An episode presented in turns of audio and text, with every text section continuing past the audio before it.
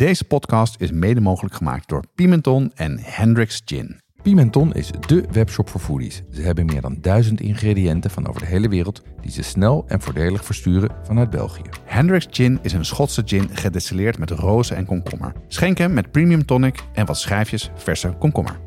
Ook bij ons geldt geen 18, geen alcohol. Jonas, hoeveel mensen denk je dat er ooit wel eens naar een van onze afleveringen hebben geluisterd? Dus alle mensen die er ooit wel eentje of iets hebben geluisterd. dus ja. alles bij elkaar. Alles bij elkaar. Eh, ik denk dat het best veel is. Eh, ik denk dat dat misschien wel 30.000 mensen zijn. Bijna 40.000 mensen. Oh, dat is toch meer dan ik dacht, ja. Dat is best goed, toch? Dat is heel goed.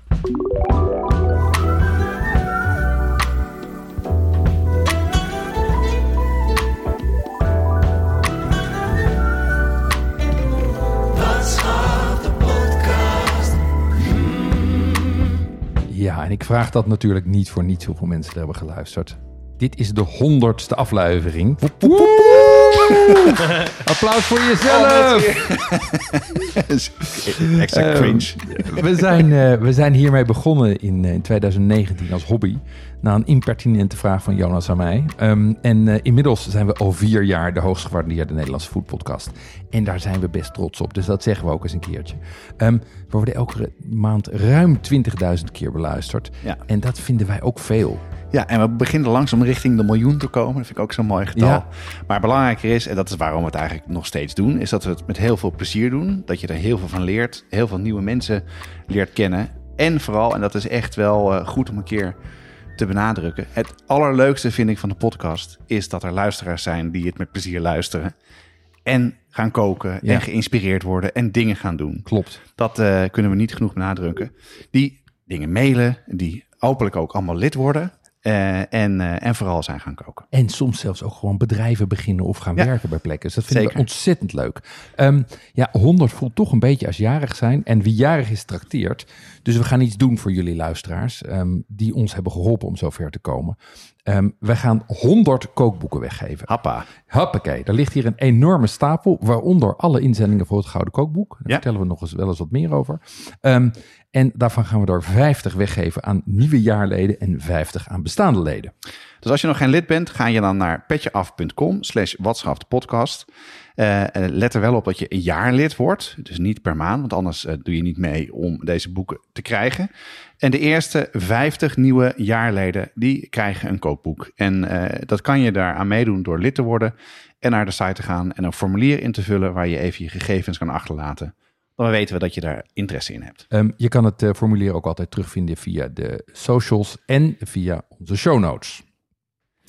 Ehm, bij een feestelijke aflevering hoort een bijzonder gerecht. Ehm, en eh, deze keer is dat een Indonesisch gerecht dat eh, vooral wordt gegeten bij feestelijke gelegenheden. In 2011 werd het gekozen tot het lekkerste gerecht ter wereld.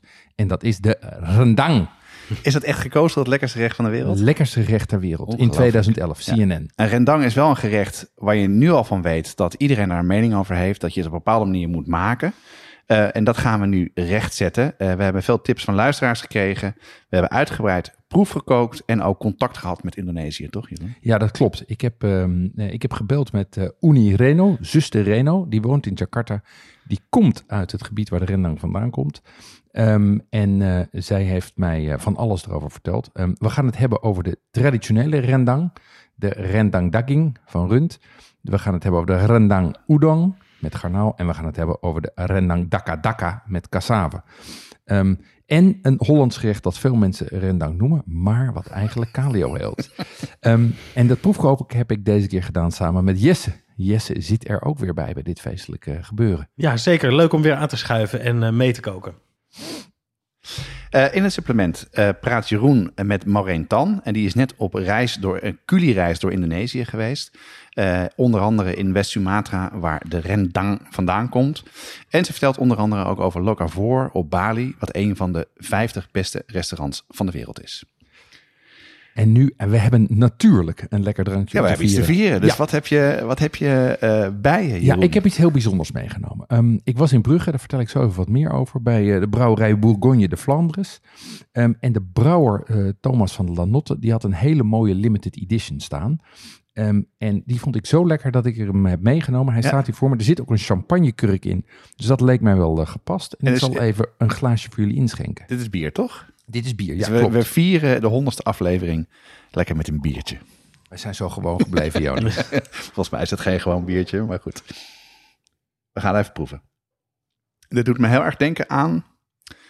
Een van de eerste afleveringen heb je mij ooit een zuurbier... ja, eh hoe heet het ook weer? eh Rodenbach. Oh ja, ja. Dus het, is, eh, het, het ruikt echt best wel als nou, een beetje bokbier, heb ik het idee. Ja, het heeft ook een beetje een donkere kleur. Eh, een lekkere geur. En als je een slok neemt, is hij dus eh, wat aan de zure kant. ja, ja. Ja, de- Heerlijk. ja, vind- ja, ja, Nee, ik vind het zure niet zo lekker. Jij vindt het zuur niet zo. Nee. Eh, het- Hij is Bij in- bier, dat, maar goed, dat is natuurlijk daar hoort hij bij jou het zoet bij. Is het ook zo, ja. Ja, ja. Ehm, ja hij is inderdaad fris zuur. ehm, met, als je hem ruikt, ik ruik er ook heel veel karamel in. En hij is echt vrij complex. Dat is wel Ehm, lekker hoor. Maar het is inderdaad het zure. Dan moet je, als je daar op een gegeven moment één stop hebt gehad...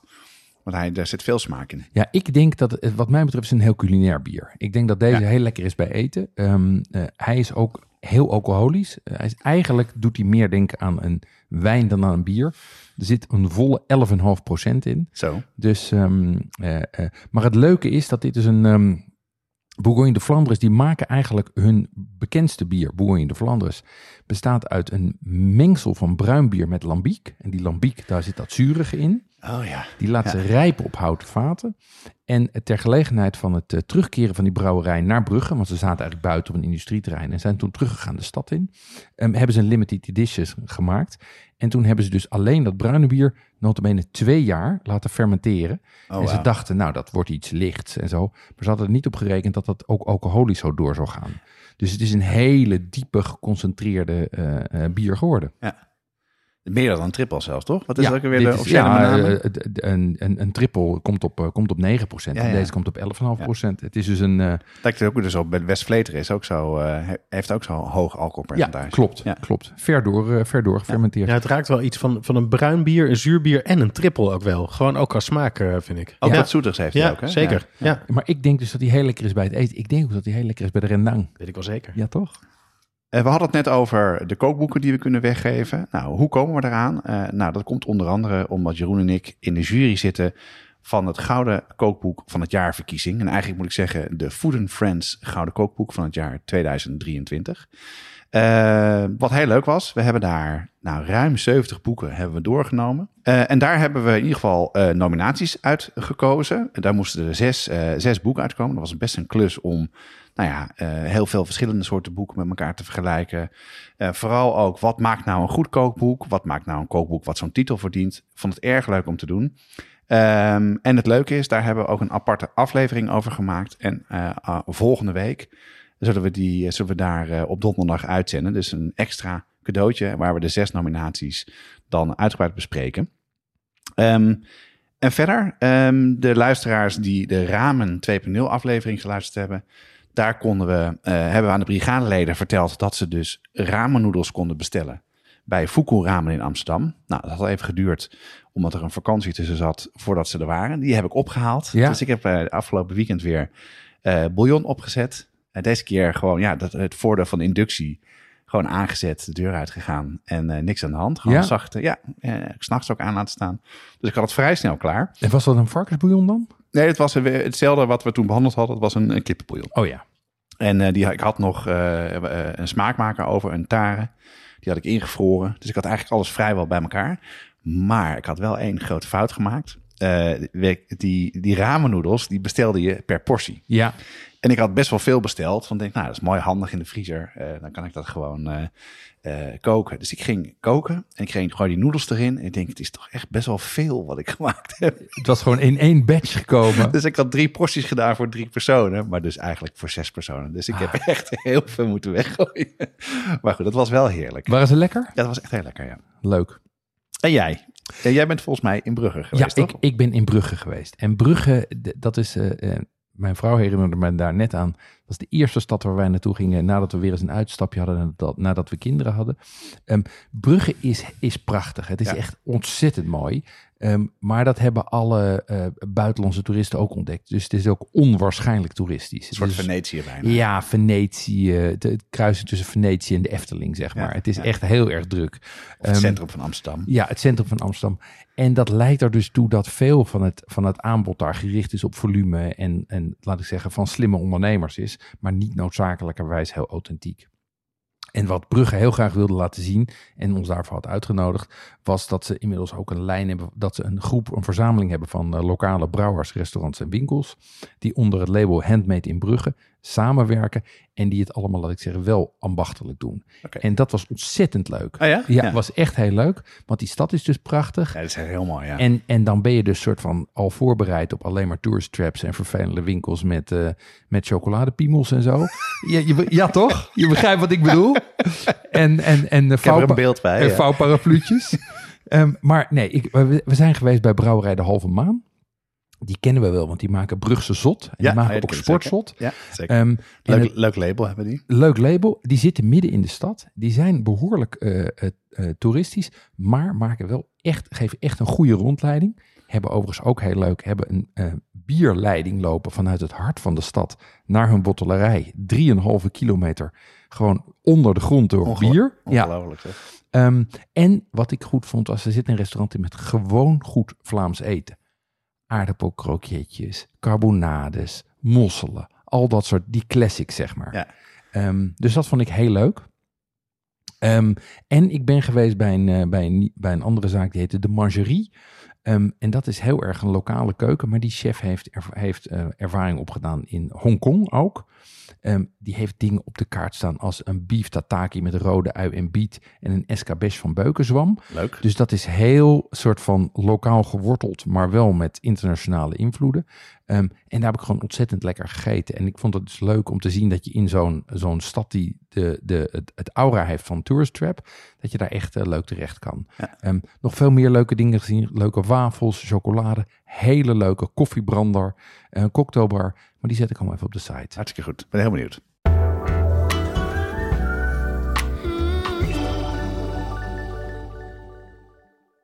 Tobanjan en tamarindepasta, Carnaroli rijst en de juiste tahini. Yuzu sap en panko. Moeilijk te vinden, zelfs als je een goede speciaalzaak in de buurt hebt. Daarom zijn we heel blij met onze partner Pimenton.be, de webshop voor foodies en hobbycooks. Die bezorgen vanuit België in de hele Benelux voor maar 3,95 euro. Ga naar pimenton.be om te bestellen. En leden van de brigade krijgen 12% korting. De actuele kortingscode vind je onder andere in de nieuwsbrief. Nou, honderdste aflevering. eh, het meest populaire gerecht van de wereld. De rendang. Eh, dat is eh, het iconische Indonesische gerecht. En Jesse en Jeroen, jullie zijn ermee aan de slag gegaan. En daar zijn jullie de afgelopen weken mee bezig geweest. En ik kreeg heel vaak leuke appjes. Eh, Jeroen zei, nou, ik heb, het was toch zo leuk om dit uit te proberen. Dus eh, veel enthousiasme over de rendang. Ook veel eh, misverstanden, denk ik. Zeker? Dus laten we beginnen met wat is een rendang? Ja, een rendang. Ja, ik ga gewoon rendang zeggen. ik, ga het, ik ga het niet proberen, sorry. Een, een rendang is een, het is een, het is een, het is een, een iconisch Indonesisch gerecht van het Minangkabau-volk. Ehm, dat woont op West-Sumatra. En ik dacht altijd, en ik denk dat 99% van de mensen die luisteren ook, dat het rundvlees is gestoofd in een diepe donkere saus. Een soort stoofpot, zeg Ja, maar. ja. Ehm, maar dat bleek een misvatting. Want een, echte ren- ja, een echte rendang is nauwelijks sausig. En het kan met rundvlees, maar het hoeft niet. nou, dat, dat nauwelijks sausig, dat wist ik wel uit alle discussies die er zijn. Dat heb jij mij ook al vaker verteld. Van als er heel veel vocht in zit, mag het eigenlijk geen rendang zijn. Maar dat het, ik dacht altijd wel dat het met rundvlees was. Dus dat is dus niet zo. En is het dan ook net zo'n misvatting als je misschien denkt dat chili con carne altijd met bonen is? Klopt. Hè, waar we een hele aflevering over gemaakt hebben. Wat eigenlijk veel lekkerder is zonder bonen. Ja, Of een spaghetti bolo of Ja. ragout bolognese. Dat dat dus is met heel veel tomaten, een hele grote bergsaus. Maar eigenlijk alleen maar met een beetje rundvlees. Soms wat melk erbij. ja, Dat is, is dat datzelfde dan? Ja, zo, dit, dit is zo'nzelfde misvatting, Ah, ja. denk ik hoor. In ieder geval, ik had zo'nzelfde ervaring. Ehm, jij noemde die twee al even. We hebben daar over allebei podcasts gemaakt die ook zeer de moeite waard zijn. Dus luister die vooral ook. Ehm, Maar misschien kan, eh, kan Jesse ons even helpen met wat is het dan wel? Want we hebben nu vooral geroepen wat het niet is. Ja, Ja. Nee, zeker. Ja, het, het leuke van eh, dit is dat rendang eigenlijk dus helemaal geen gerecht is. Het is een bereidingswijze.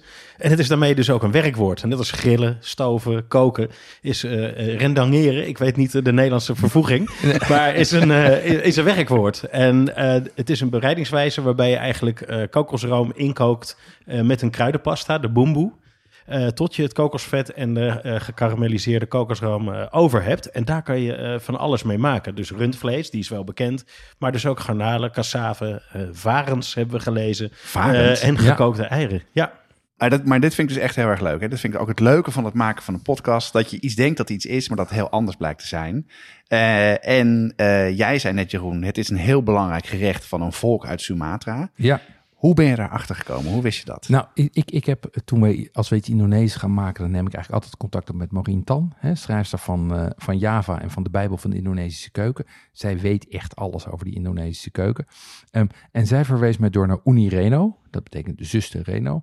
En dat is eigenlijk een wereldwijde rendang-expert die eh, daar twee boeken over heeft geschreven, waar geen recept in staat. Dus wat alleen maar gaat over het... eh, over Geen het- recept. geen recept. Het gaat alleen maar over het, eh, het sociaal of het, het cultureel belang van, van de rendang. Ehm, en ik heb haar dus even gebeld. Wat leuk. En, en wat vertelde zij? Nou, wat, wat zij vertelt, wat ik uit dat gesprek haalde, is dat rendang is inmiddels een door de UNESCO erkend immaterieel cultureel erfgoed. Dus het is echt een belangrijk ding voor die mensen Ja, daarin. eh, ook een soort in- van eh, spaghetti bolognese volgens mij, Ja, ook, toch? En precies. Dat, soort- dat soort dingen. Het ja. zit precies. Ehm, en, het heeft de, en er zit heel veel symboliek achter. Ehm, eh, de vier pijlers van de rendang zijn vlees, kokos, chilies en de kruiden. En die vertegenwoordigen ook de belangrijkste onderdelen van de Minangkabau-gemeenschap. Dus die symboliek is heel sterk. Ehm, het is een, eh, wat er bela- verder belangrijk aan is, is dat over het algemeen in feestelijke situaties wordt het gemaakt met grote stukken vlees. En die zijn natuurlijk een teken van welvaart. Dus En niet, niet met kleine blokjes. Nee, niet met Ah. kleine blokjes, met grote stukken. Ehm, en het wordt dus geserveerd bij alle belangrijke feesten en ceremonies. Het is natuurlijk een, een moslimomgeving, dus het suikerfeest, offerfeest, daar is rendang zeg maar echt een van de grote en feestelijke gelegenheden. Dus het is een gerecht met heel veel symboliek en heel veel culturele identiteit, zeg maar. Maar dat is dus, dus het is heel populair en zeker ook daar. Eh, is er dan een officieel recept of een officieel het OG-recept wat er is? Net zoals met, met, met bolognese, dat dat is vastgelegd door de culinaire kamer van koophandel. In, ja. Ik weet niet eens of ze daar een Kamer van Koophandel hebben. Nee, maar dat, maar dat is dus, dus dat je zou ik verwacht bij het wereldwijde eh, gerecht Ja, een soort van basis-oerrecept. Ja. Bestaat dat? Nou ja, dat is natuurlijk ook wel weer een heel westers perspectief om te verwachten dat het dan geformaliseerd is. Nee, dat is dus natuurlijk een, natuurlijk mijn plek gezet. Ja, nee, maar het is natuurlijk een orale cultuur daar. Ehm, eh, en het is een, kijk, wat, wat, het, is, het is eigenlijk wat interessant is dat het is oorspronkelijk een manier van conserveren. Oké. Het is een manier om, om dat gerecht langer te kunnen bewaren. Van, het, het bestaat al sinds de 15e eeuw. Ehm, en in die tijd was er natuurlijk geen koeling. Dus dit is een manier van door heel erg in te koken, krijg je natuurlijk dat geen bacterie het op een gegeven moment meer lust. Ja. Dus het is een conserveringswijze. Ehm, en wat je ziet in alle recepten is wel dat het gerecht een aantal fases doorgaat. Je gaat van eigenlijk een hele natte curry, die een beetje doet denken aan een Thaise curry, een gulai. Die kook je in tot iets wat eigenlijk een nat stoofgerecht is. eh, en, en, en dat heet de calio. Ja, dat heb ik vaker gehoord. Exact. En die kook je in tot het karamelliseert. En dan heb je de rendang. Oké. Dus er is geen officiële bereidingswijze, maar er is wel een soort van, dit zie je in, eigenlijk in alle gerechten terugkomen. Ehm, en afhankelijk van de ingrediënten verschilt het recept dus ook. Want ja, je bereidt een eh garnalen, moet je niet net als, eh, moet je niet net als rundvlees 4,5 uur gaan stoven. Maar daar weet Jesse alles van. Want Jesse, jij hebt enorm proef gekookt en je gaat zo vertellen wat je daarvan geleerd hebt. Maar ik heb één, even één vraag nog. Ehm, dus we hebben net, eigenlijk zeggen jullie net, eh, rundvlees is niet per se het ingrediënt wat erin zit. Nee. En ehm, je hebt het over drie fases en dat is ook anders dan, dan we gewend zijn. Is dat, is, klopt dat dan? Nou, wa- wat je, wat je eigenlijk ziet is dat in de meeste rendangrecepten worden die fases helemaal niet zo benoemd. Oké, dus het feit dat er fases zijn, dat is al een groot inzicht van Ja, jullie. ja dat, dat is een, en dat he- ook dat heeft natuurlijk weer te maken met hoe, die, met hoe zo'n recept wordt overgedragen. Want de meeste mensen daar, die zien natuurlijk gewoon hun familie dat Ja. koken. En die zien dus hoe het goed Ja, is. En die hebben geen kookboeken, denk ik. En die hebben geen Zeker kookboeken. niet in de 15e nee, eeuw. Nee. exact, exact. Maar goed, Jesse, jij hebt uitgebreid proef gekookt. Ja. Ehm, neem ons daar even in mee. Hoe ging dat? Ja, ik ben eigenlijk begonnen met een recept wat ik heel goed eh, ken. Eigenlijk al jaren gebruiken thuis. Dat recept heb ik eh, ooit uit de Dikke van Dam gehaald. En het is een recept van eh, Felix Wilbrink, eh, Telegraaf culinair eh, journalist. En ik ben dat toen gaan maken omdat ik daarvoor altijd van die zakjes uit de supermarkt kocht met een boemboe. Ja, En behandelde ik het ook eigenlijk als een stoofgerecht. En ehm, ik wilde eigenlijk een keer zelf die boemboe maken, weten hoe het werkte. Het eerste recept wat ik tegenkwam was in de Dikke van Dam. En daarbij, me- eh, naar, daarmee ben ik aan de slag gegaan. Oké. En, en, wat- en wat viel je dan op in dat recept? Van, eh, Als ik er nu naar kijk, eh, zie je ook wel... Het is wat oudere publicatie, denk ik, het originele recept. En het gaat heel erg uit van een beperkt supermarktassortiment. Er zitten shallotjes in, knoflook, koriander, eh komijn, kruidnagel, gemberpoeder, chili en citroengras. Allemaal dingen die je wel redelijk goed kan ver- eh, verkrijgen. ja? Maar je vindt bijvoorbeeld niet de laos, kamiri-noten. eh, Wat je veel meer zou verwachten. Wat je veel meer in, de, in een authentiek recept zou verwachten. Ehm erg lekker recept, maar het is ook qua eh, bereidingswijze is het gewoon als een stoof gepresenteerd. Je gooit de ingrediënten bij elkaar, de boemboe fruitje aan, kokosmelk erbij, vlees erin, laten staan. En op een bepaald moment heeft het de juiste gaarheid bereikt. En dat, dat is wat het is. Ja, ja, Dus en dan gaat wordt het niks- dan vooral het vlees dan waarschijnlijk. ja, en ik ben altijd zo ver doorgegaan dat het vlees eh, zacht is en het enigszins droog, maar nog niet zo ver als ik, eh, als ik later heb leren maken. Nou ja, maar dit is, dit is zoals ik het ook ken. Dit is denk ik zoals heel veel Nederlanders het, het kennen. Eh, maar dat is niet wat Jeroen net schetste in die drie fases die er zitten en andere ingrediënten. Ik neem aan dat je meer dingen uitgeprobeerd hebt. Ja, toch? zeker. Ja, ik met eh, Jeroen overleg natuurlijk de voorbereiding. En eh, toen zei hij al van, ja, weet je wat jij maakt? Jij maakt een calio. Nou, dat moest Ja. ik zelf even opzoeken. scheldwoord. Calio, hey, calio. Ja, precies. Met je natte rendang. Je maakt een natte rendang, wat is dat? Ja, dus... eh, Zeker geen calio. Ja, dus toen ben ik gaan nadenken. Ja, dat klopt ergens wel. Want ik heb een hele goede Indonesiër in de buurt. En het resultaat wat ik zelf heb, is inderdaad niet wat ik daar wel eens gegeten Ja, ja, heb. ja. ja, ja. Ehm, en toen ben ik eh, op zoek gegaan naar een beter eh, recept. En dan kom je snel uit bij Vanja. van, zij heeft het boek Indorok geschreven, waar recept in staat. Dat leek er qua ingrediënten ook al zeker meer op. Eh Kamiri-noten, lim, eh, limoenblad, kunjit, laos. eh, Ja, wat je zou verwachten, je. Zeker. En ook al een hele duidelijke fasering in het recept. Dus eerst die olie losmaken, daar vertellen we wat over. Die calio maken en dan doorgaan en karamelliseren door te bakken. ja. Ehm, was op smaak, maar het vlees was nog niet eh, eh, eh, zacht genoeg, naar mijn idee. Ja. Dus het was gewoon nog te stevig. Ik had stoofvlees gebruikt. Dat het nog niet zacht was, dat lag niet aan het recept. Dat lag vooral aan mij. Ik, had- Oké. ik moet erbij zeggen, rendang is een recept waar je, of een gerecht, of een bereidingswijze moet ik zelf zeggen, waar je de tijd voor nodig hebt. Hè. Je hebt toch wel een aantal uur nodig. En ik was denk ik iets te gehaast en ik ben iets te vroeg gestopt. ja, ja. Dus daar lag het vooral aan. Dus ja, wilde ik eigenlijk weer, eh, weer een poging wagen. Het is grappig hè, dat, je, dat je dus doordat je hiermee bezig bent al aan ingrediënten kan zien dat het iets misschien niet helemaal is zoals het zou moeten zijn. En jij hebt dus een restaurant in de buurt waarbij je het eindresultaat al een keer geproefd hebt. Dus Het je voelt een referentiekader. soort ja. van, oké, oké, wacht even, ik kom niet helemaal waar we moeten komen. Ja, precies. Ehm,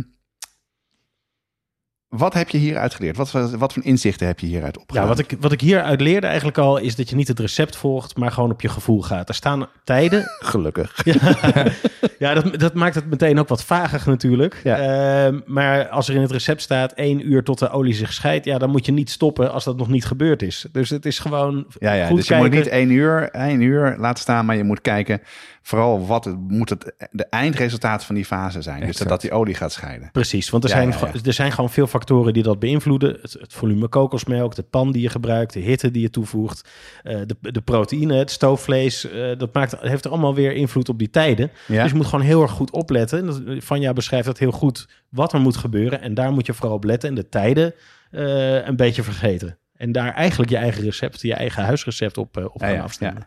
Je hebt meerdere recepten geprobeerd, hè? maar voordat we naar het volgende recept gaan, leg me heel even kort uit eh, wat de stappen zijn om, te- om het gerecht te maken. Want ik heb het gevoel dat rendang best een complex gerecht is. Het is eigenlijk best simpel. Oh, het is simpel. Je begint met een kruidenmengsel, de boemboe. Ja, ja. Verschillende kruiden en, eh, bij elkaar. Ehm, en dat kan je malen in een ehm vijzel of je doet dat in een, in een mixer. Ja? Ehm, dat is je basis met wat olie aanbakken. Dan voeg je daar kokosmelk aan toe. Ehm, dat ga je eh, reduceren en dan komt vanzelf de olie los. En dan komt het moment waarop je bepaalt waarop je je vlees gaat toevoegen en hoe lang de volgende stappen duren. Dat is wat het recept bepaalt. In Ja, ja. principe zijn er drie basisingrediënten.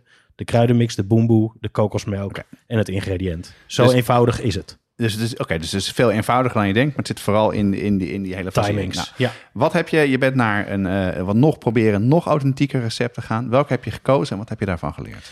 Niet per se authentieker, maar ik wilde eh, leren van het vorige eh, recept en eigenlijk weer een ander recept proberen en het daarop toe te passen. Ja? Ehm, ik heb een vergelijkbaar recept eh, genomen, een recept van Marijn Tan, waar Jeroen contact mee heeft eh, gehad. En ik heb wat opgeschreven de vorige keer en dat heb ik aangepast. Dus ik ben wat harder die kokosmelk gaan inkoken op wat hoger vuur. Oké, dus dat is Ehm, eigenlijk die, die na, na, ja, een ja. beginstap. Ja? Precies, om het, om het te scheiden. De- ehm, ik heb het wat verder gereduceerd.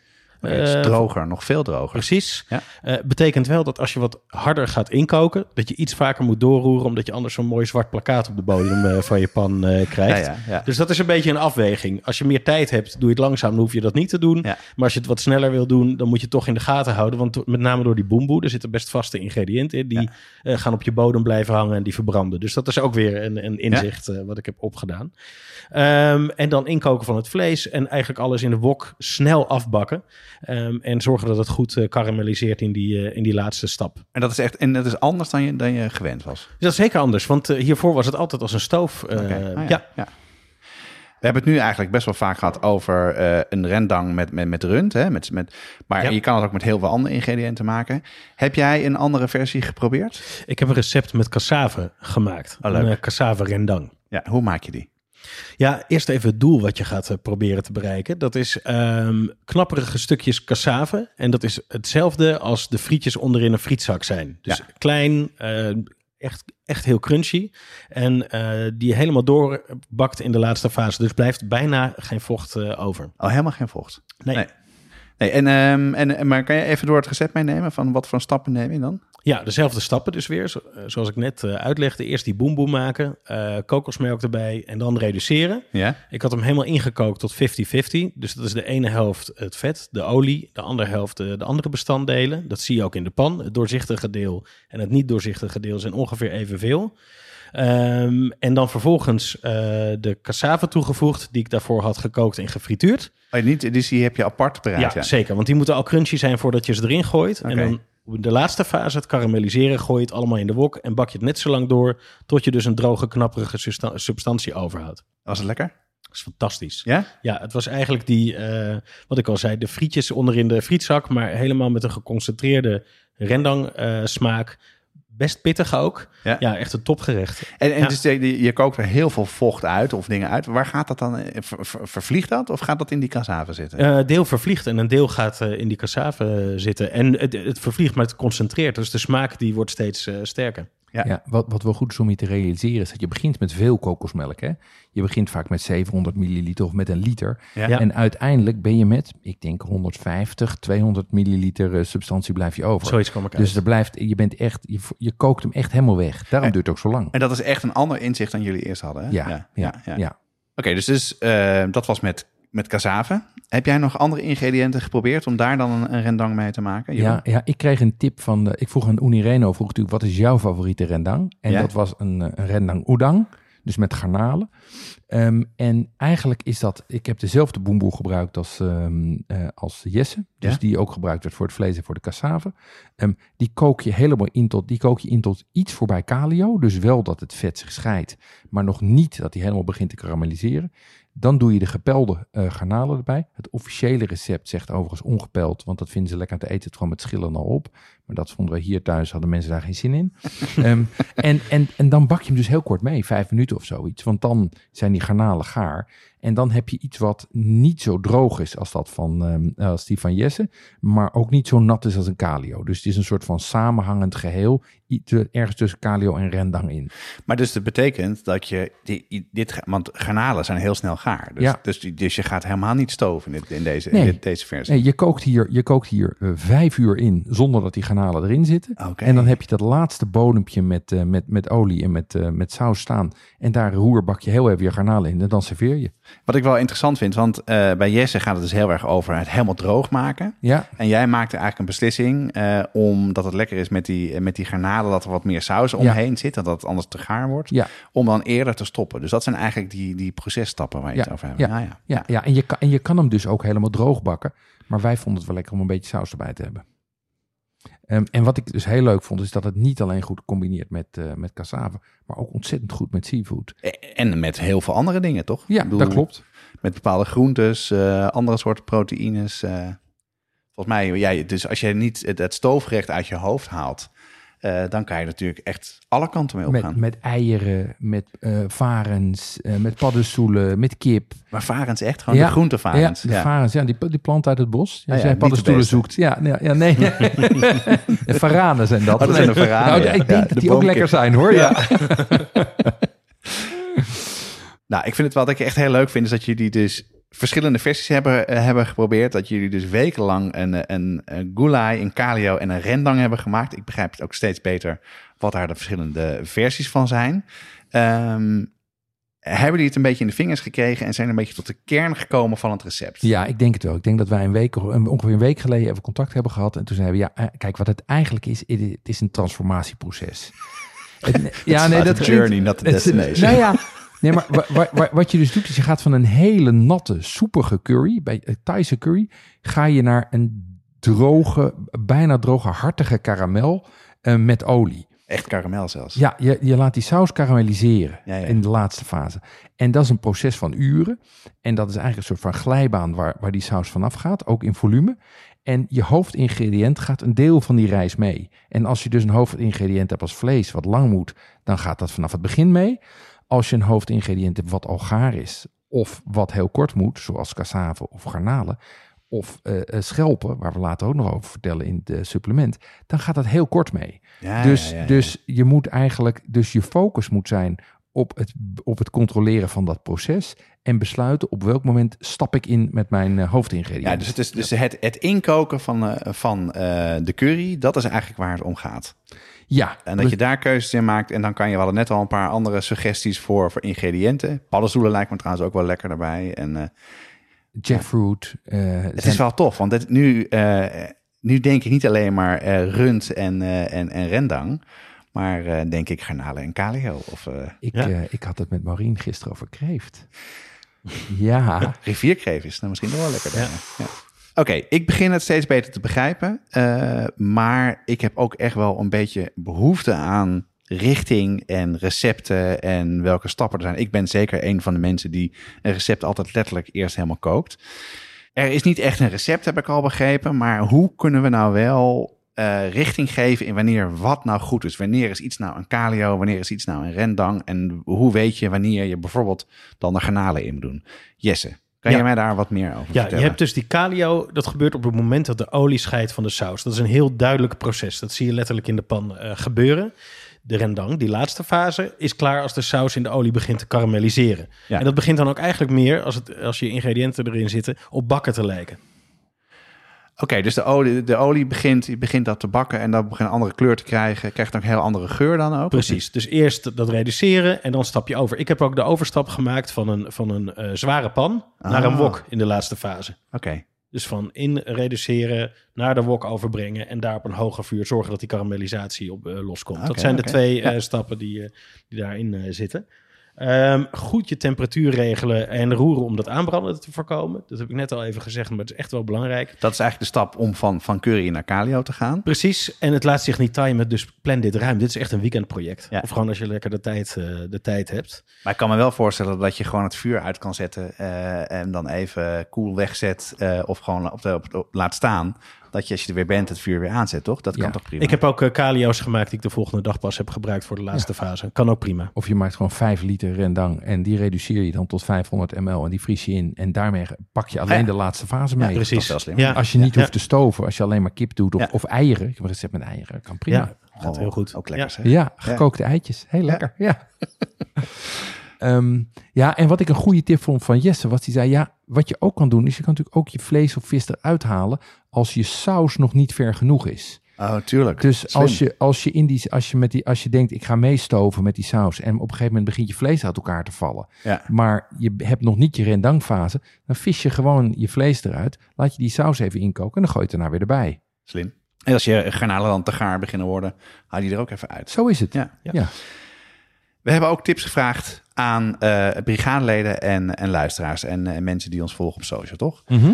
Zijn, zitten, zaten daar nog leuke tips in? En, en als jullie nou zou terugkijken naar de, nou ja, gewoon de reis die jullie hebben gemaakt, eh, dingen die echt gewoon leuk zijn om te delen. Nou, wat, wat mij opviel, is die tips, is dat mensen heel erg met het, het Hollandse rendang eh, eh, perspectief zitten. Dus die zitten in de natte saus. Een recept wat veel werd genoemd was van Sergio Herman. Ja. Recept hebben we bekeken, hebben we niet opgenomen. Want dat is gewoon een Nederlandse stoofpot. Daar gaat, daar gaat gewoon rundervol doorheen, zeg maar. Dus dat is, dat is echt een, een helemaal natte Hollandse rendang. Ehm, wat je ook ziet is dat er worden heks gebruikt om, eh, om de rendang droog te krijgen. Namelijk door er eh, kokos bij te gooien. Want die absorbeert natuurlijk dat, eh, die saus. Dus als die niet droog genoeg is, gooien mensen er geroosterde eh, kokos bij. Ja. Dat hoeft niet wat ons betreft. Als, je, als je je proces onder controle hebt, is dat niet nodig. Ehm, dan zijn er nog suggesties om varkens of runderwangen te nemen. Nou, varkens zou je natuurlijk in die Minangkabau nooit zien, want het is moslimomgeving. Ehm, maar runderwa runderwangen is wel slim, want Ja. dat wordt mooi eh, droog. Ja. Overigens zeiden, eh, zei Maureen die, en, en ook Unireno zei, daar maken ze het liefst van mager vlees. Oh, waarom Dus- mager dan? Omdat het vet al van de, van de kokos komt. Natuurlijk. Ja. Anders wordt het te vet. Anders wordt het te vet. Ja, Ja, ja, dus Je hebt, dus, en daar maken ze het zelfs vaak met biefstuk. Oh, gewoon biefstuk. Heel droog. Ja, ja, heel droog. En dan komt dat vet komt van, de, van de olie. Interessant. Ehm, verder zag ik nog een tip om het, eh, om het eh, vlees voor het aanbakken in te smeren met asem of tamarinde. Ik denk dat het lekker is, geeft een frisse component. Maar in het originele recept bak je helemaal niks aan. Ja, ja. Je, ja. je, je kookt gewoon. Maar je en pakt het in de, uiteindelijk bak je het eh stoof of bak je het Je- in de, in de, je, bakt na en niet voor in de eigenlijk. calio. Precies. Ja, de ja. maillard vindt plaats helemaal aan het eind van het proces. Begin te begrijpen. Ja. Ehm, en dan zijn er nog mensen die zeggen, je kan kamiri rood no, noten roosteren in het vuur. Dat is ook goed. In het Open- vuur. Ja, ja, in een open vuur. Kamiri noten moet je natuurlijk roosteren, anders zijn ze giftig. Zijn Hebben we het eerder over gehad. Ja. Ehm, maar als je je rendang ver genoeg laat gaan, dan begint die karamellisatie, geeft ook al wat smokies. Oké. Dus al die tips zijn nuttig, maar als je het helemaal beheerst, Niet dank, nodig. maar niet nodig. Ja, Dat is wel een beetje bang. Ja, het, het laat wel mooi zien dat er gewoon heel veel varianten zijn en iedereen Ja. zijn eigen huisrecept heeft. En dat, dat is natuurlijk ook heel leuk. Klopt. Ja, ja. En, en wat werkt, werkt natuurlijk ook. Ik bedoel, we kunnen hier natuurlijk heel recht in leer zijn. Maar uiteindelijk vind ik een, een natte calio vind ik ook gewoon lekker. Dus Ja, laten, we daar ook niet, laten we daar ook niet te... te- Maar het is wel een natte calio. is- Ja, ik moet heel erg denken aan, eh aan ossenstaart om het daarmee te maken. Lijkt me ook heerlijk. de- het, eh, sterker nog, dat komt ook veel voor daar. En, er Ja, ja. zijn- en het, maar het maakt het ook met paling. Oeh, dat in, lijkt me echt overheerlijk. in het supplement. Ja. Ja, oh, ja, ja, ja. Hey, ehm, Jeroen zei ook al dat het vooral eh, tijdens eh, feestelijke gelegenheden wordt gegeten in Indonesië. Eh, wij kennen het nou, uit grote bakken, denk ik, van de afhaal. Ehm, het is vrij pittig, kan ik me herinneren. Ehm, eet je het dan gewoon eh, een grotere portie of hoe doe je dat, Jesse? Wat, eh, wat is meestal de manier om, om hier goed van te genieten? Ja, pittig hangt heel erg van je recept eh, af. Ik heb wat pittiger gehad, maar het is over het algemeen eigenlijk best wel goed te doen. Tenminste, de recepten die ik eh, heb geprobeerd. Wat interessant is, is dat je het oorspronkelijk in hele kleine hoeveelheden eet. Ook kleine hoeveelheden. Echt kleine hoeveelheden eh, in Indonesië. Eh, de Nederlanders hebben er een soort van bak haché van gemaakt die op je rijst eh, gooit. Waar de rijst onder verdwijnt. een soort zuurvlees. Ja, precies.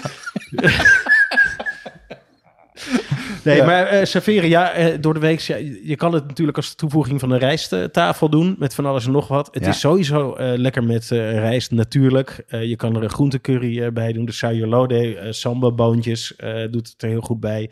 Maar wat ik echt belangrijk vind, is dat je wat zuur toevoegt. Oké. een atjar maakt en zorgt dat je een tegenwicht hebt voor die aardse, donkere smaken. En best wel vettig ook, denk ik dan, toch? toch? Precies. Of niet? Ja, Ja. dat combineert mooi. Ja, wat kroephoek en een fris biertje, zoals we hier hebben Dat doet het er wel eh, bij, uitstekend. Ja.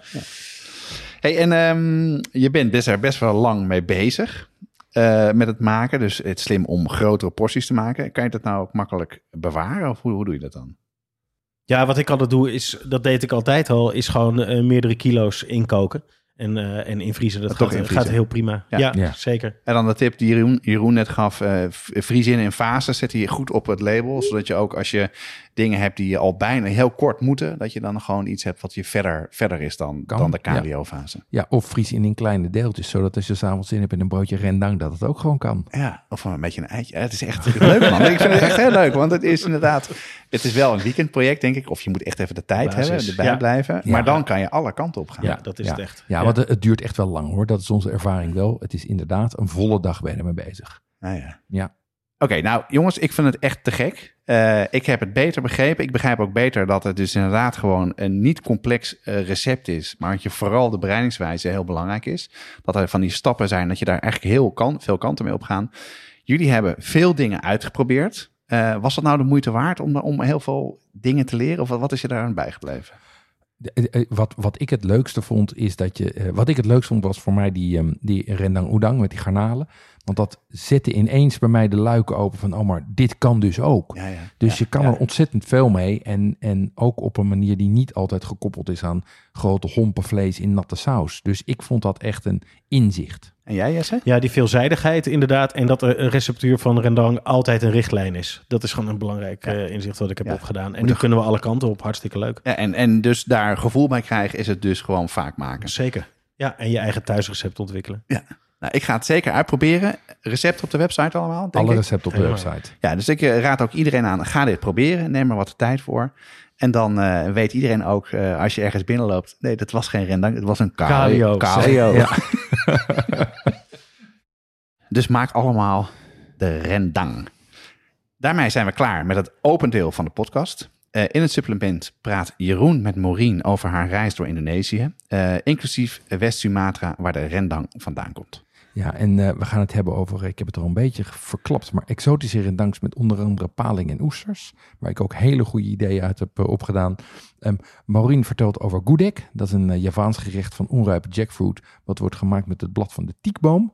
Van die meubels die eh, heel veel mensen in de woonkamer hebben staan. Ja. Ehm, en een jaloersmakend verhaal over wildplukken met de chefs van Locavor. Het World Best 50 restaurant op Bali. Ik ben heel benieuwd. Ehm, als je dit ook wil luisteren en je bent nog geen lid van de brigade, dan ga je naar eh, www.petjeaf.com slash podcast. Je bent al lid voor 4 euro per maand.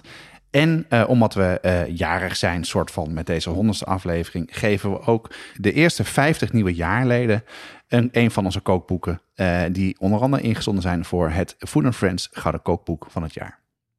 Deze honderdste podcast wordt gemaakt door Jeroen Doucet en Jonas Nouwen. Het team bestaat uit Natasja Roda, Katja Workel, Annie Tazelaar, Paul Veldkamp en Jesse Burkomp. Met eh, speciale dank aan Marijn Tan, Uni Reno en deze keer weer Jesse Burken. Jesse, top.